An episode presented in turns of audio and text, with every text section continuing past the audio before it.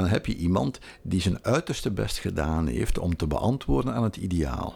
Die heel hard werkte, Mhm. Ja, ja. die heel getrouw was, heel, eh, noem maar op. Eh, en die daarin eh, ver over de grens ging. En dan wordt hij beschouwd dat het zijn eigen fout is. Dus daar krijg je de, de, de, de, dubbelheid ervan. Eerst eist men dit. Men, dat zijn die beelden die voorgehouden worden. En op het ogenblik dat iemand daar dan aan beantwoordt, zeg maar, het is je eigen schuld.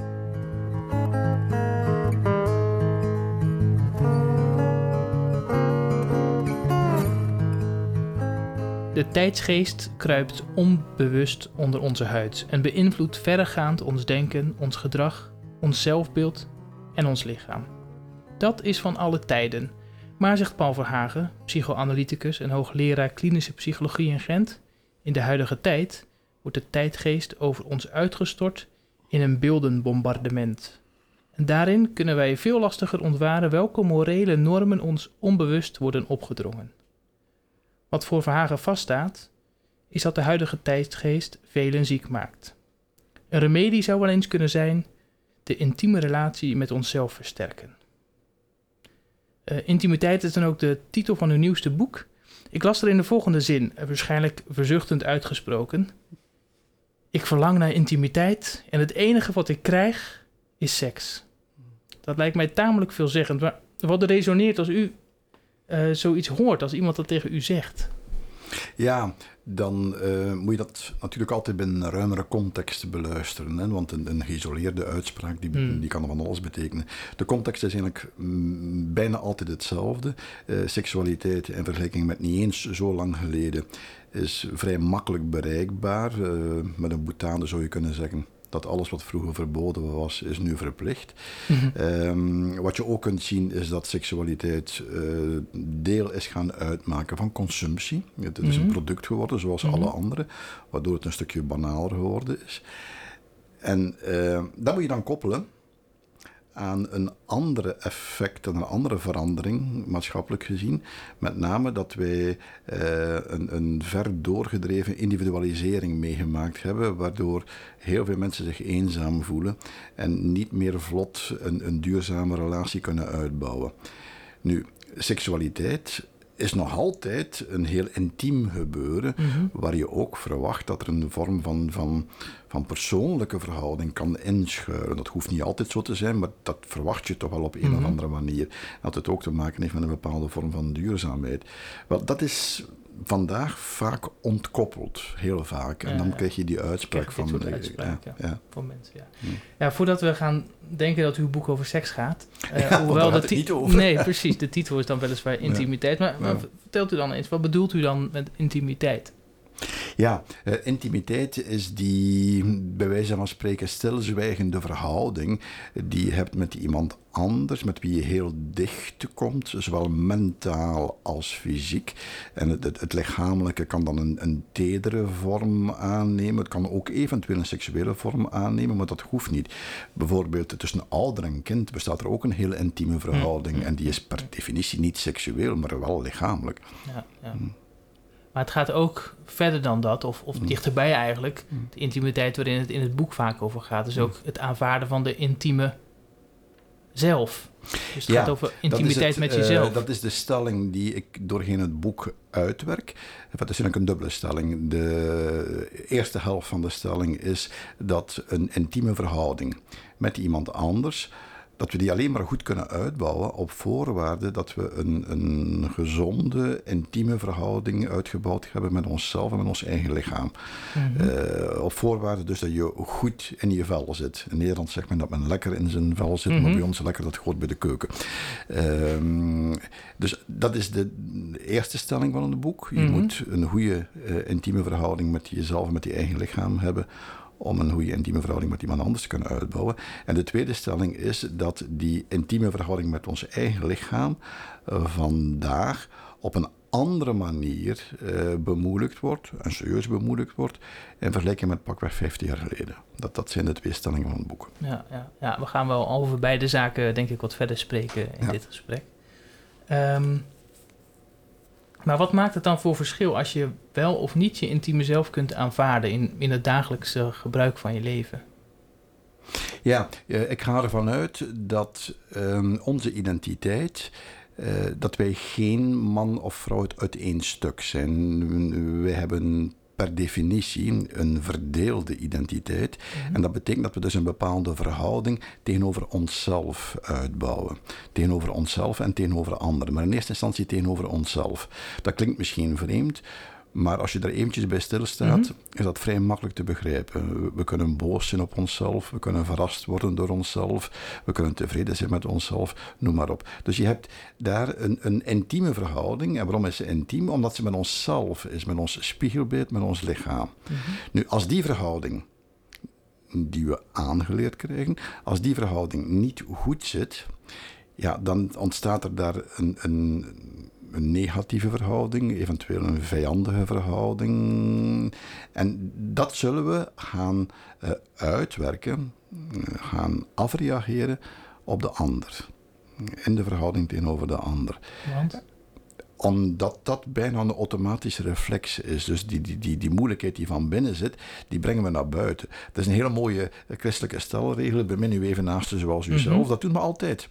Eh, en dat betekent dus ook als we onszelf Ja, niet beminnen, nee, dat we nee, de nee. anderen ook niet beminnen. Ja, dat begint bij jezelf. Ja, Ja. ja. klopt. Ja. Ja, ja. En, en dus wij, onze identiteit bestaat dus uit die verschillende aspecten. Verhoudingen, Dus, die dus verschillende de- verhoudingen. Ja, ver- oké, verhoudingen. Ja. ja. En dat ook dus dat je op verschillend reageert eigenlijk op dezelfde Hm. situaties, waardoor je soms ook denkt van, hé, wie, wie ben ik nou eigenlijk? Ja, omdat we mm, vaak verrast zijn door een, een, een aantal zaken die naar buiten treden en die botsen met andere stukken van onze identiteit. Ik, heb, ik zei het daar straks al, we zijn geen man of vrouw uit één stuk.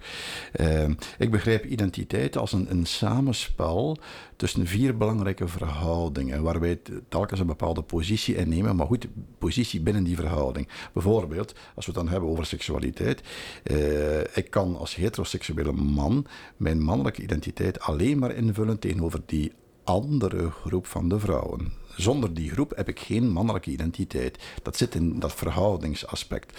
En dat betekent dus ook dat eh, in mijn mannelijke identiteit, zoals ik die aangeleerd gekregen heb, dat voor een stuk de vrouwelijke identiteit daar, daarin al vervat ligt. Want ik ga mij verhouden tegenover dat beeld van die identiteit dat ik daarin meegekregen heb. Mhm, mhm. En je hebt, zoals ik daar straks al zei, eh, ook de verhouding tegenover onszelf, tegenover ons eigen lichaam. Dat is eigenlijk de heel primaire verhouding, die we al heel vroeg aangeleerd en aangereikt krijgen. Je hebt ook de verhouding eh, tegenover de ander gelijke. eh, in, in de christelijke traditie de evenaaste. En je hebt ook de verhouding tegenover de ander van de autoriteit. Dat zijn de vier cruciale verhoudingen die in onze identiteit eh, inbegrepen liggen. En vaak Va- vaak, niet altijd, maar goed, af en toe botsen die. De, mijn identiteit als man kan bijvoorbeeld botsen met mijn identiteit als vader. Hm. Dat zijn twee aspecten van mijn identiteit die alle twee heel erg belangrijk zijn, maar die niet noodzakelijk overeenkomen. Mhm. En hoe botst dat dan? Wel, bijvoorbeeld als man kan je bepaalde eh, verlangens hebben buiten het huwelijk. Eh, je, kan eh, vreemd willen gaan, je kan weet ik veel wat. Je kan je kinderen achterlaten, je kan gaan voor je eigen ding, zoals het dat vandaag de Mhm. dag gezegd wordt. Maar dat betekent dat je Dat je positie als ja. vader serieus beschadigt op Ja. het ogenblik. Ja. En als je, is dan, begrijp ik dan de stelling van het boek goed, dat als je die, die intieme relatie met jezelf, als, die, als je die aanvaardt, dus, Ja. of- dus ook als je die identiteiten aan, die verschillende identiteiten die in jezelf zijn aanvaardt, Ja. dat dat dan eigenlijk minder vaak leidt tot een soort schadelijke Ja. situatie? Ik zou het woord aanvaarden niet gebruiken. Want eh, eerst en vooral, dat, dan lijkt het erop dat die identiteit daar al is. En dat ik daar als het ware naast ja. sta. En die moet Accepteren dan? Ja, nee, ook Ook niet. Eh, het belangrijkste woord is eigenlijk kennen. Je, je moet Hmm. de verhouding die je opgebouwd hebt tegenover je eigen lichaam en tegenover jezelf in eerste instantie kennen. Je moet je daar bewust van zijn. En eh, die bewustwording kan er dan ook voor zorgen dat je daarin een aantal dingen gaat veranderen. Ja, ja, ja, Ehm, ik ga maar, en, en nu komen we bij een ander onderwerp van het boek. Eh, de tweede centrale lijn, eh, waar ik daar straks al naar verwees. Ehm, ik benadruk dat die intieme verhouding die wij uitbouwen tegenover onszelf en tegenover ons eigen lichaam, dat die vandaag, in het huidige tijdperk, eigenlijk serieus bemoeilijkt wordt. En bemoeilijkt wordt op een andere manier dan pakweg 40 jaar geleden. Ehm, wat ons nu voorgehouden wordt, letterlijk voorgehouden met die beelden, waar dat je in je inleiding eh, Mhm. terecht op wees, wat ons nu voorgehouden wordt, dat zijn de perfecte lichamen. Ja. Eeuwig jong, eeuwig strak, eeuwig sexy, noem maar op. Eh, eeuwig gezond. Ook. Nooit ziek, ja, Nooit precies. ziek. Ja. En we moeten daar met z'n allen aan beantwoorden. Eh, en de, het eigenaardige is dat het nooit goed genoeg is. Nooit goed genoeg, nooit gezond genoeg. Eh, het is een, Britse collega die eh, die evolutie als volgt beschreven heeft. Vroeger, zegt hij, waren wij de genuinely sick, de, de, degenen die echt ziek waren. En nu, zijn we de worried well. We zijn zeer gezond, maar we maken ons voortdurend zorgen, want het is nooit, nooit gezond genoeg, nooit goed genoeg. En dat betekent dat die verhouding tegenover ons eigen lichaam een, een verhouding is van onszelf te moeten verplichten om het altijd nog perfecter, nog beter, nog strakker, nog gezonder. Eh, en dat is absoluut niet gezond. Nee. Integendeel. Nee, nee. Eh, Hoe, hoe gaat u daar dan zelf mee om? Want Mhm. je zou zeggen, je weet het, dat zei Ja. u net ook, je Ja. moet je het bewust van zijn. Ja. Dan kun je er ook van bijvoorbeeld van afkeren. Of, of is dat beeldenbombardement, zoals u dat zelf in uw Mhm. boek omschrijft, Ja. ja, is dat te indringend om je eigen aan, om eigenlijk aan te ontsnappen? Het, eh, het verschil met vroeger is dus inderdaad dat we nu, omwille van de digitale cultuur eh, en de mediawereld, veel meer aan beelden blootgesteld worden dan aan woorden. In vergelijking met ja, de periode voor het internet. Er waren toen ook beelden, hè? dat was Mhm. wel wezen, maar niet met dezelfde intensiteit zoals vandaag. En het is inderdaad zo dat. ehm, als je moet identificeren met een verhaal, als het woorden zijn die je Mhm, overneemt, mhm. dan is er daar toch altijd een, een grotere kans op bewustwording en op reflectie bij. Beelden komen zo binnen, zelfs onbewust, zelfs sublimineel als je ze niet ziet. En die hebben dus meer effecten. Maar goed, als je mij dan de vraag stelde van hoe ga jij daar dan mee om? Hoe kun, kun, kan, hoe kun je daar eventueel iets aan doen?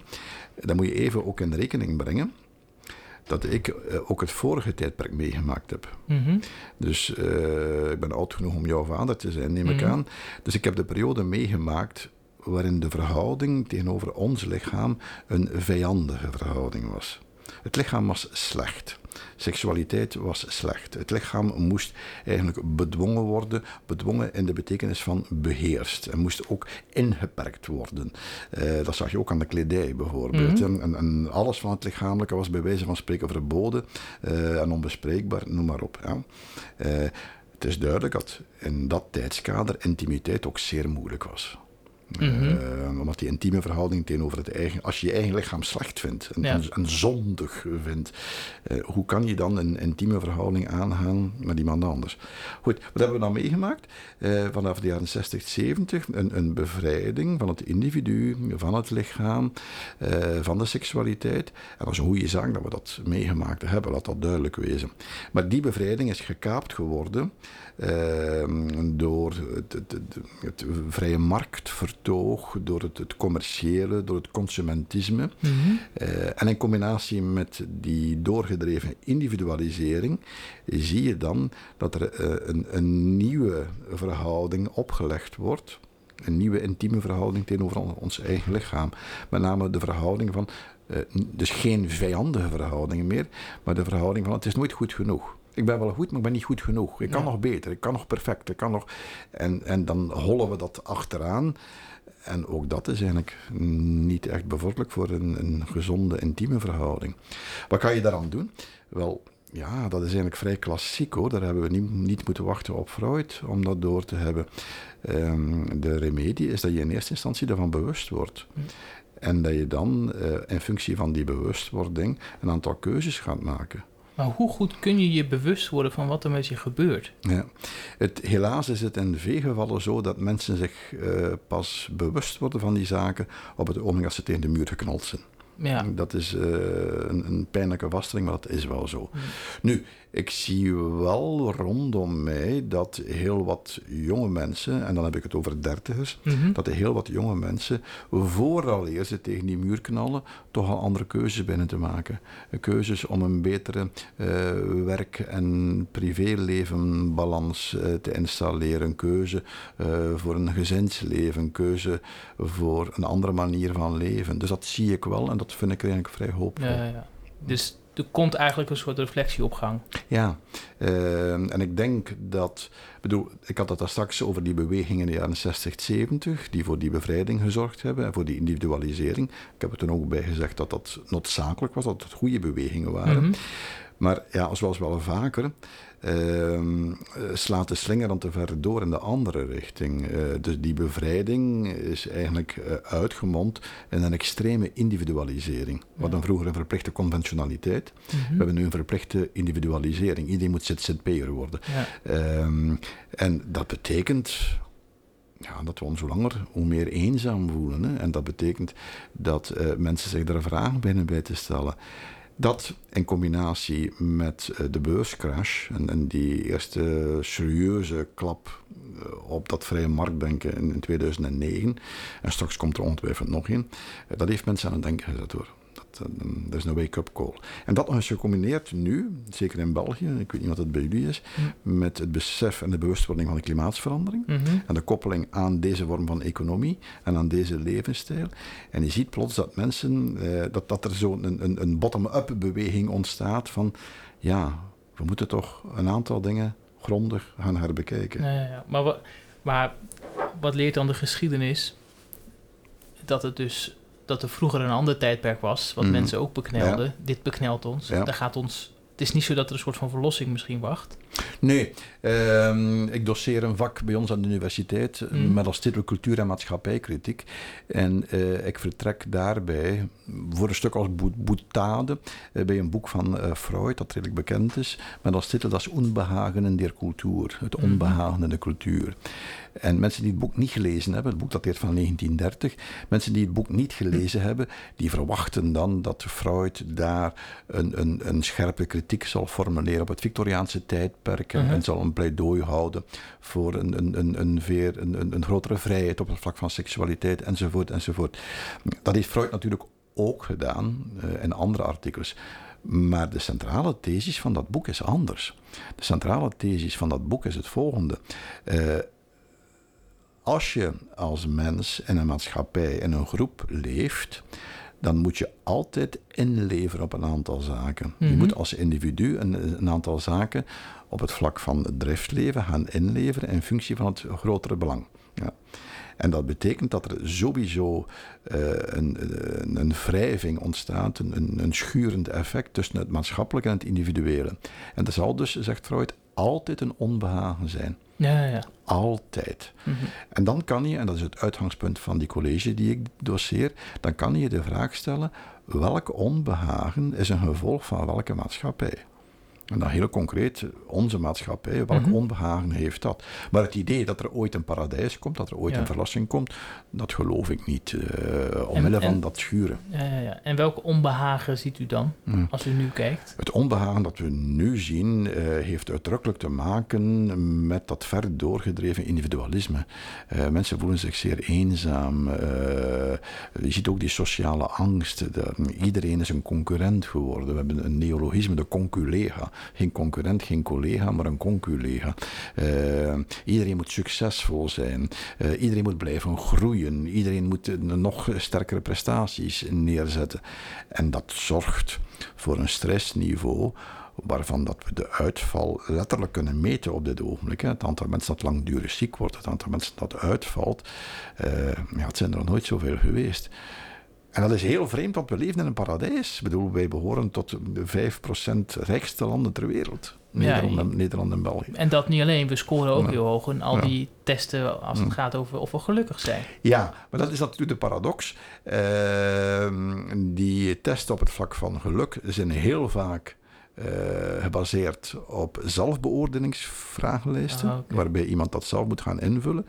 En niemand zet, zet, zichzelf graag neer als een loser, dus dan krijg je daar dan die invulling. In andere landen blijkbaar toch?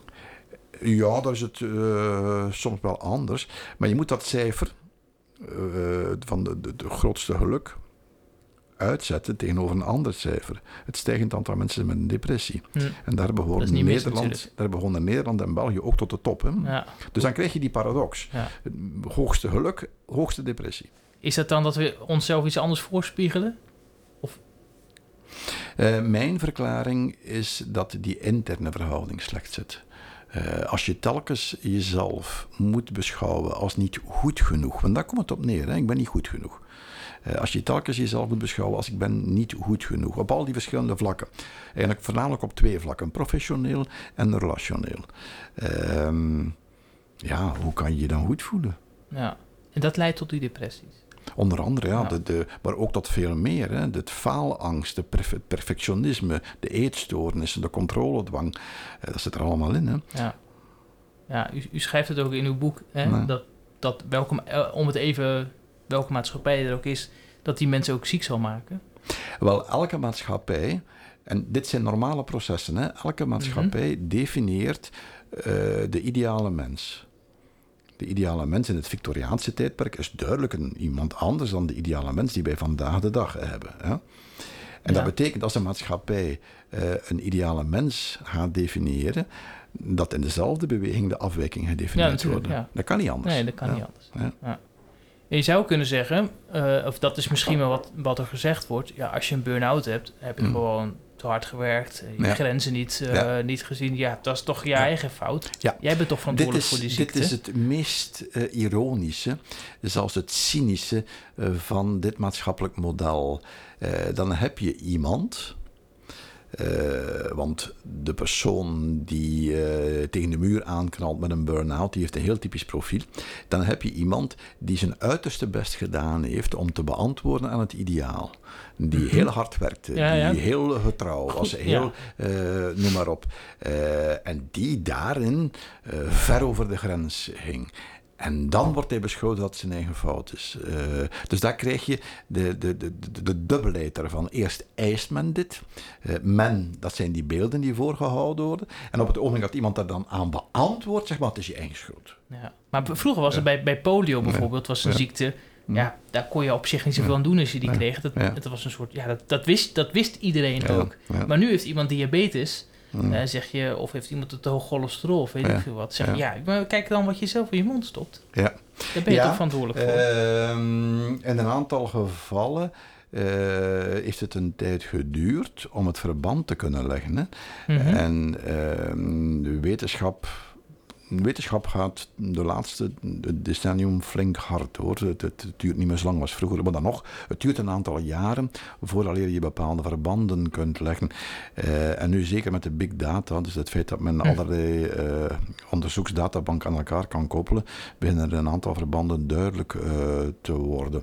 En dan kun je bijvoorbeeld zien dat er uitdrukkelijk een verband bestaat tussen ehm, ja, bepaalde voedingsgewoonten en eh, bepaalde sociale omstandigheden en bepaalde stressniveaus. Ehm, het is geen toeval dat wij spreken over comfortfood bijvoorbeeld. Dat iemand Mhm. zichzelf gaat troosten eh, door eh, bepaalde Calorierijke Cal- voeding. Ja, calorie, ja. dat soort dingen.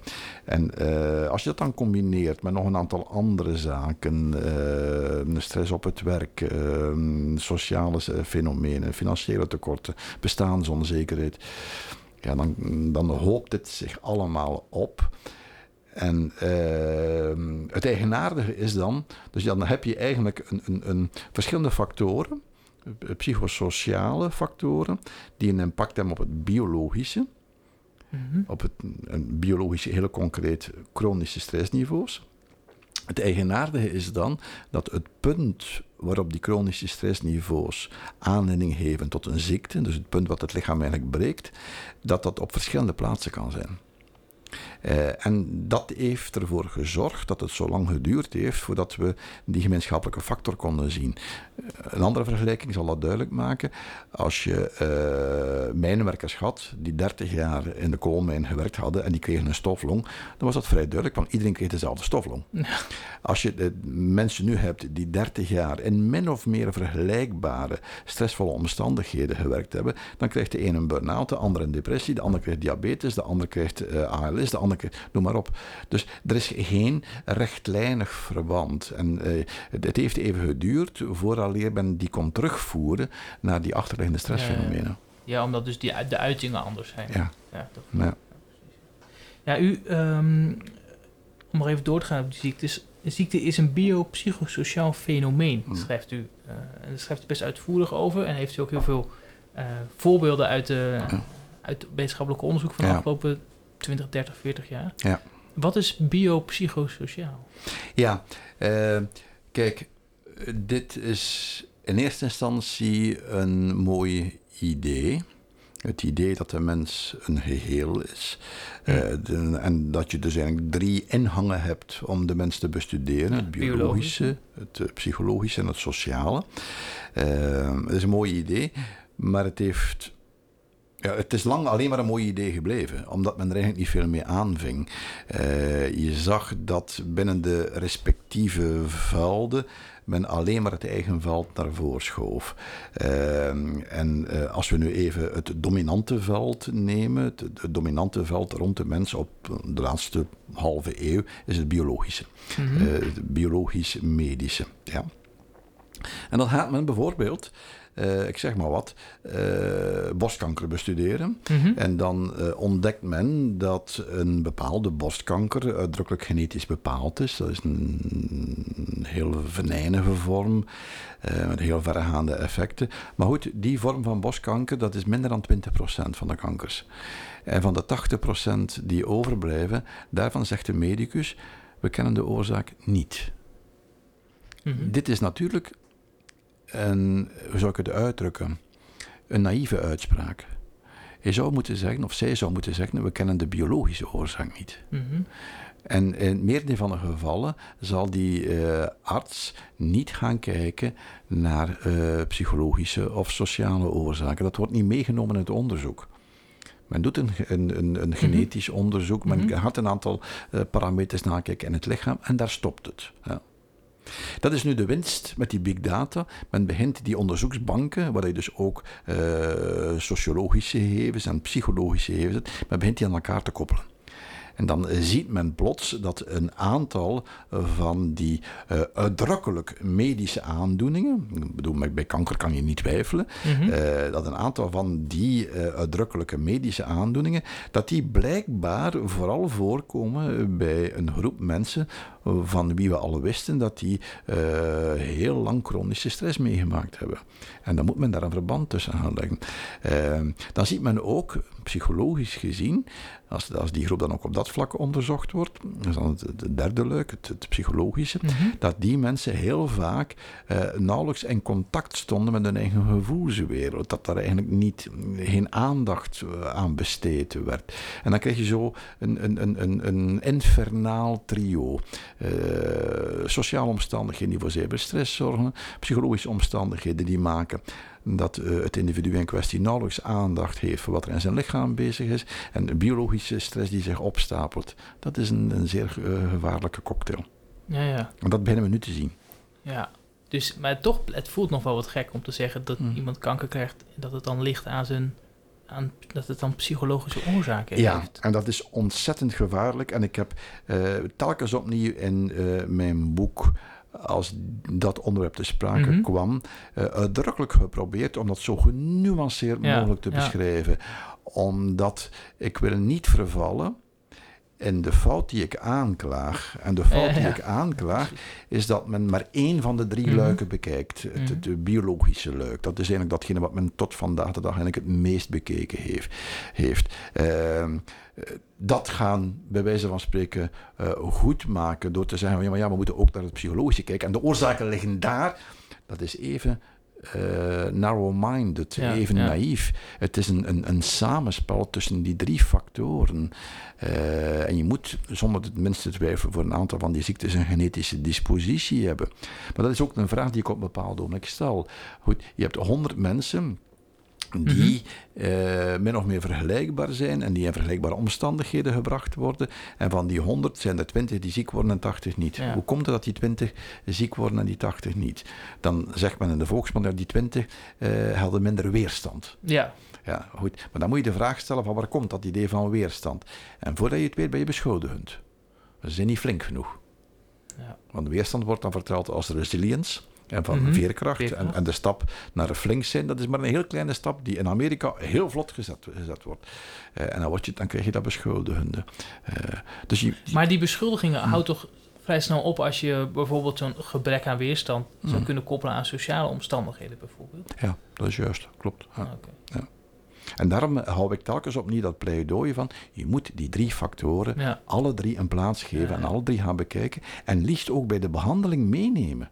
Ah, ja. Liefst ook maar bij goed, de dan, dan, dan, dan kom je met borstkanker bij de arts. Ja. En dan vraagt de arts, heeft u een traumatische ervaring in uw jeugd meegemaakt? Nee, dat moet die arts niet doen. Nee. Die arts is eh, gespecialiseerd in het eh, biomedische en die moet ervoor zorgen dat hij de meest geavanceerde ehm, eh, behandelingsmethodes toepast. En die arts, in het ideale geval, zal werken in een ziekenhuis waar er ook een psychosociale dienst is. En daar zal de psycholoog of de, de weet ik veel wie van, van de, die groep daar dan aandacht kunnen besteden eh, aan die aspecten. En het, de sociale dienst dan zal kunnen kijken van hoe zijn de leefomstandigheden van die Hmm. man of van die vrouw. En als je dat in het ideale geval samenneemt, ja, dan verhoog je zonder de minste twijfel de kans op genezing. Ja, dus eigenlijk... Maar de arts Want daar gaat het dan ook om. Niet ja. alleen om de diagnose, maar Hmm. ook om het herstelproces. Ja, het genezingsproces. Ja, natuurlijk. Ja, uitdrukkelijk. uitdrukkelijk. Ja, ja. Als je ziet, eh, er zijn een aantal schitterende onderzoekingen. Eh, als je ziet dat de manier waarop een patiënt die eh, een, een, een zware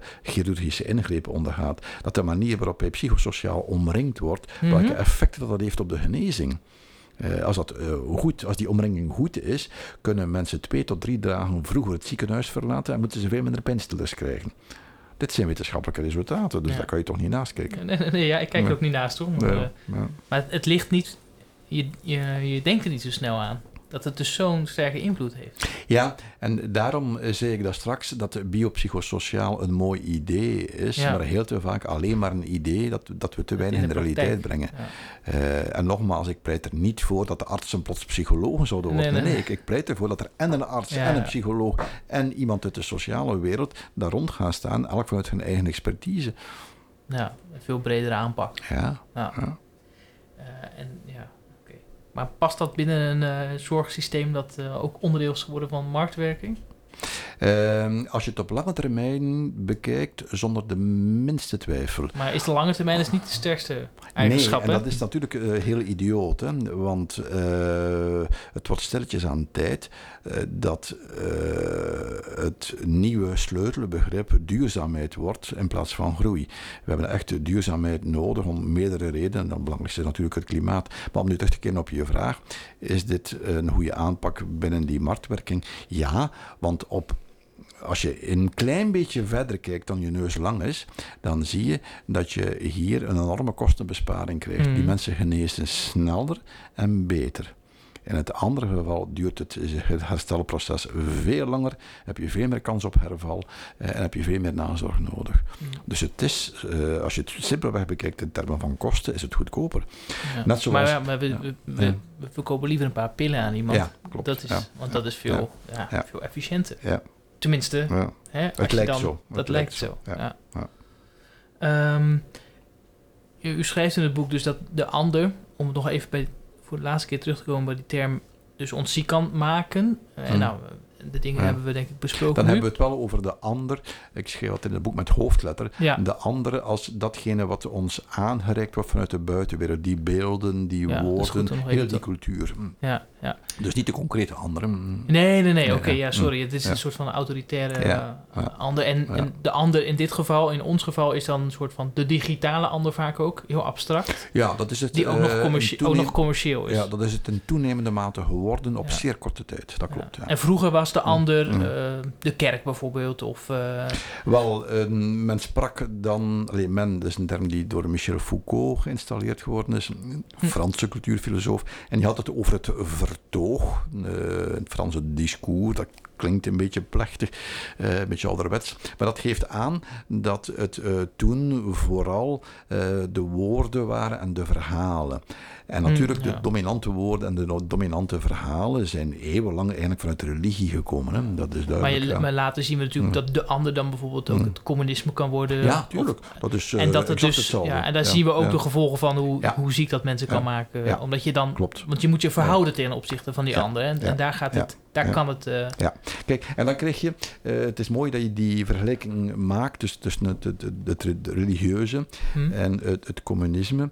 Eh, dus in beide gevallen hebben we dus een dominant vertoog, een dominant discours, dat eh, woorden en in minder mate beelden voorhoudt, waar mensen hun identiteit moeten uithalen. ja. En dan krijg je een interessant begrip in de filosofie, het begrip vervreemding. ja.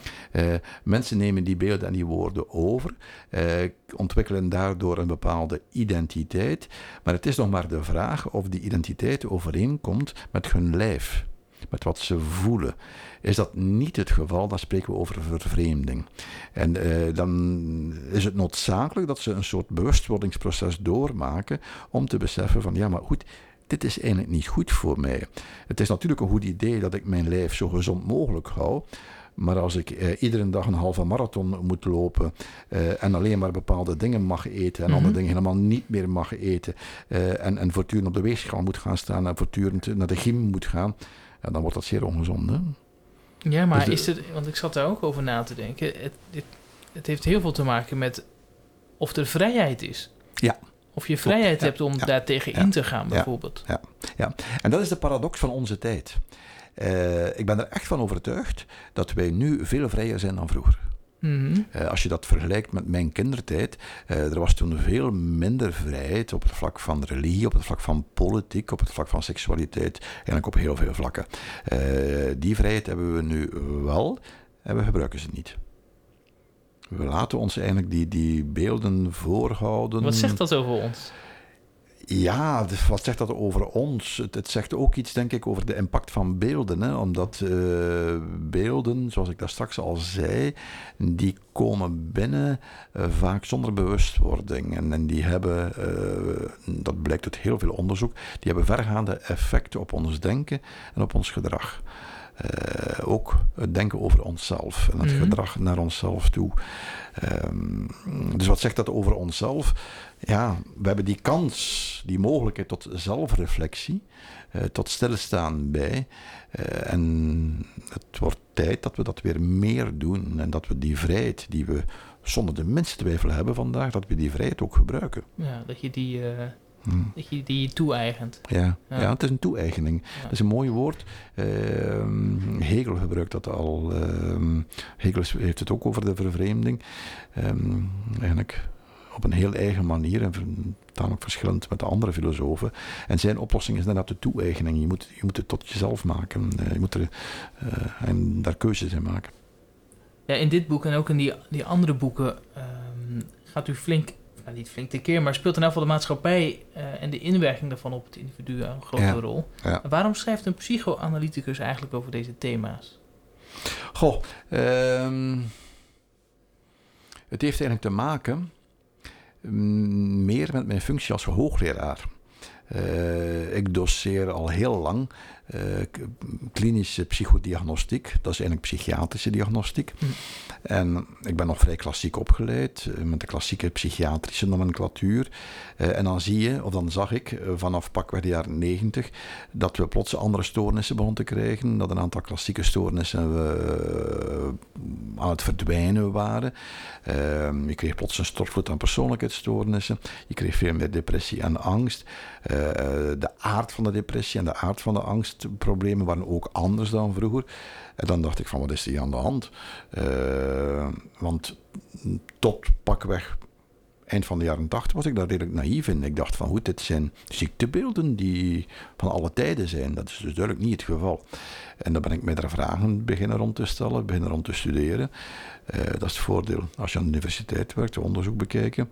En dan Hm. kom je eigenlijk vrij snel tot een vaststelling die achteraf bekeken vanzelfsprekend is, maar op dat ogenblik niet. En die vaststelling was van ja, een identiteit, dat is eigenlijk een constructie. Een maatschappelijke constructie. Eh, altijd eh, in functie van een bepaald ideaal. En wat wij nu meemaken, ik heb het dan over de jaren 90, eh, Mhm. is een vrij ingrijpende verandering, met als gevolg andere stoornissen. En dan zie je plots die, die, hoe dat, dat dan vallen al die puzzelstukjes in elkaar. En dat, Ja, dat ja. was mijn eerste boek, Identiteit. Ehm, en dan trok ik voor een flink stuk ook aan de alarmbel, omdat ik dacht van het gaat de verkeerde richting uit. Eh, want eh, wat in eerste instantie een zeer goede verandering was, een zeer goede maatschappelijke verandering, eh, gaat nu een richting uit waar we ons zelf eigenlijk voorbij aan het hollen zijn. En niet alleen onszelf, maar ook de anderen met alle negatieve gevolgen van die. Ja.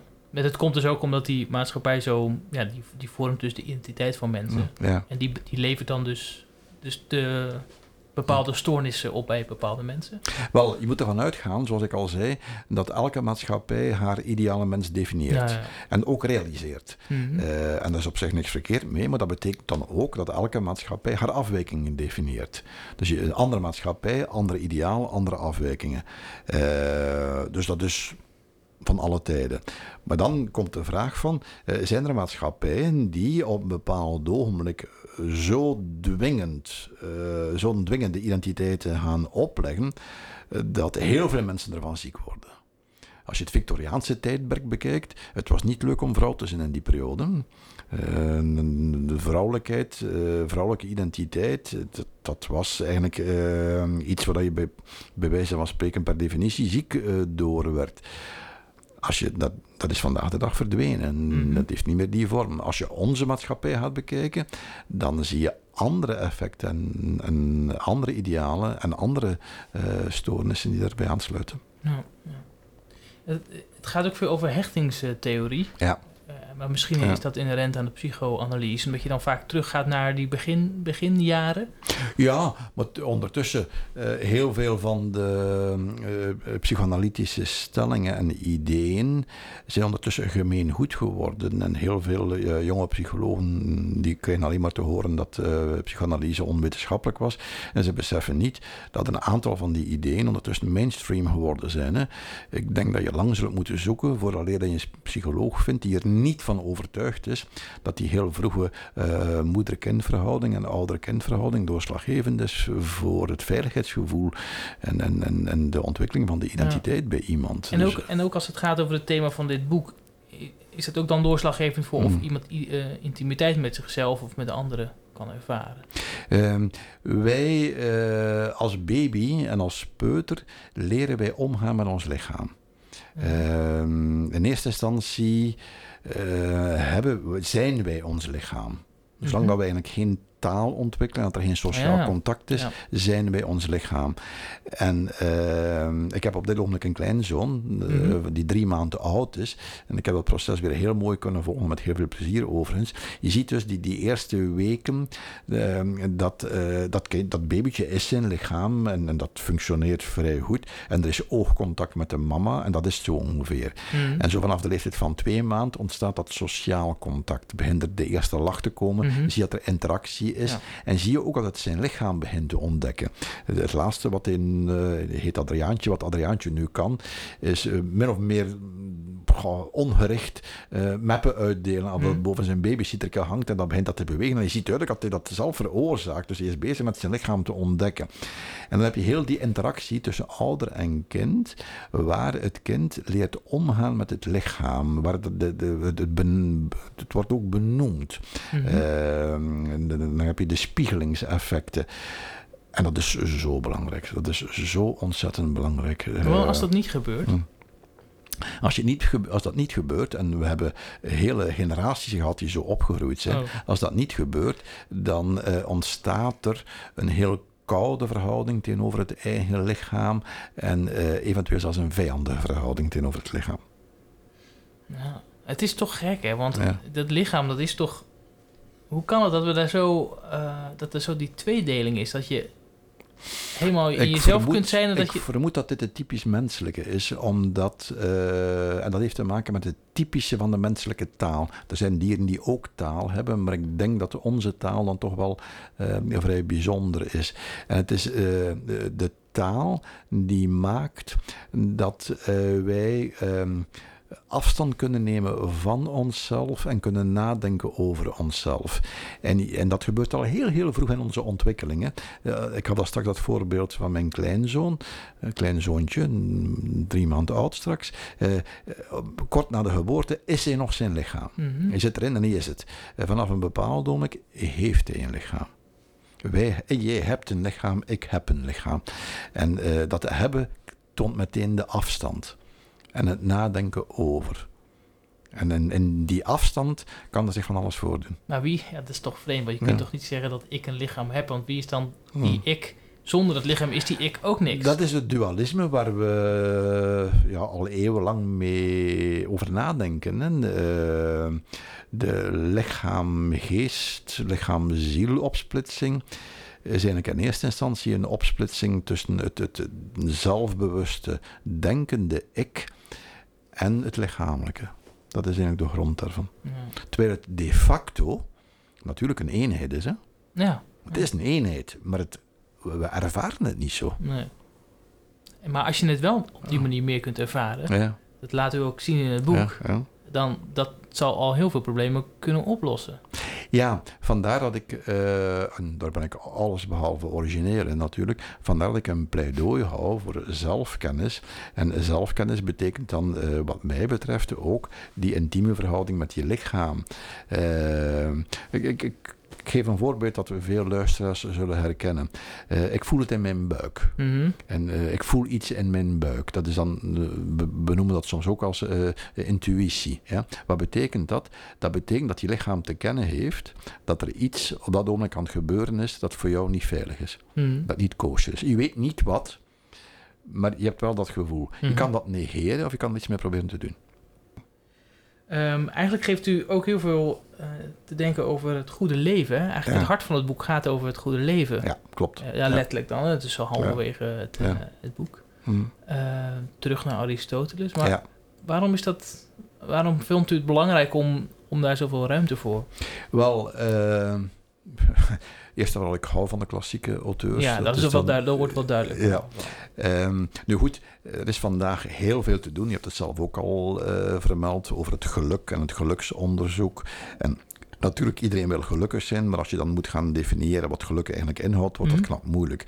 En eh, vandaag, helaas, de, de populaire invulling van geluk. Eh, heeft te maken met die maximalisatie. Je moet zoveel mogelijk genieten. The fear of missing out. You only live Ja. once. Dan, dan krijg je dat soort ideeën. En de winstmaximalisatie binnen het bedrijfsleven wordt dan een soort geluksmaximalisatie eh, in het privéleven. En dan de bucketlist, wat dat je allemaal nog alles moet doen voordat je 40 bent of voordat je 50 bent. Dat zit allemaal in dat idee van eh, het onderste de kan halen, Mhm. het, het zo maximaal mogelijk, eh, noem maar op. Wel, ik denk dat dat de beste remedie is om ongelukkig te worden. Als je met eh, een dergelijke plan je leven wil uitbouwen. En dan vind ik het zo mooi om terug te keren naar Aristoteles. Ook al omdat hij vandaag een bepaalde ideeën van Aristoteles vandaag zo verkeerd voorgesteld worden. Ehm, bijvoorbeeld het idee van excelleren.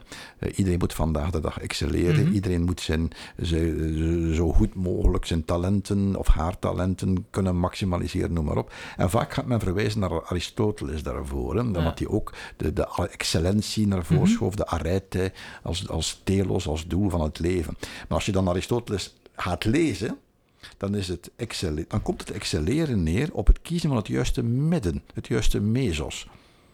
Eh, en, en die eh, opposities van deugden. Mhm. En het, het juiste midden, dat is voor hem excelleren. Niet het maximaliseren. Ja. En bovendien voegt hij eraan toe dat het juiste midden contextafhankelijk is. Bijvoorbeeld, eh, heel belangrijk voor die klassieke eh, Grieken, eh, moedig zijn. Wel, wat zijn de twee tegenstellingen? Overmoed, de hubris, een van de centrale thema's uit de Griekse tragedies, eh, en lafheid. Dat zijn de twee extremen. Je wil geen een van de twee hoor, want dan Nee. heb je een pak ellende. Hm. Je moet dus het juiste midden kiezen. Maar dat juiste midden kan in die context daar liggen, in een andere context ergens elders. Het is dus geen rekenkundig gemiddelde. Wel, dat is het idee van het goede leven. En telkens opnieuw een keuze maken voor het juiste midden.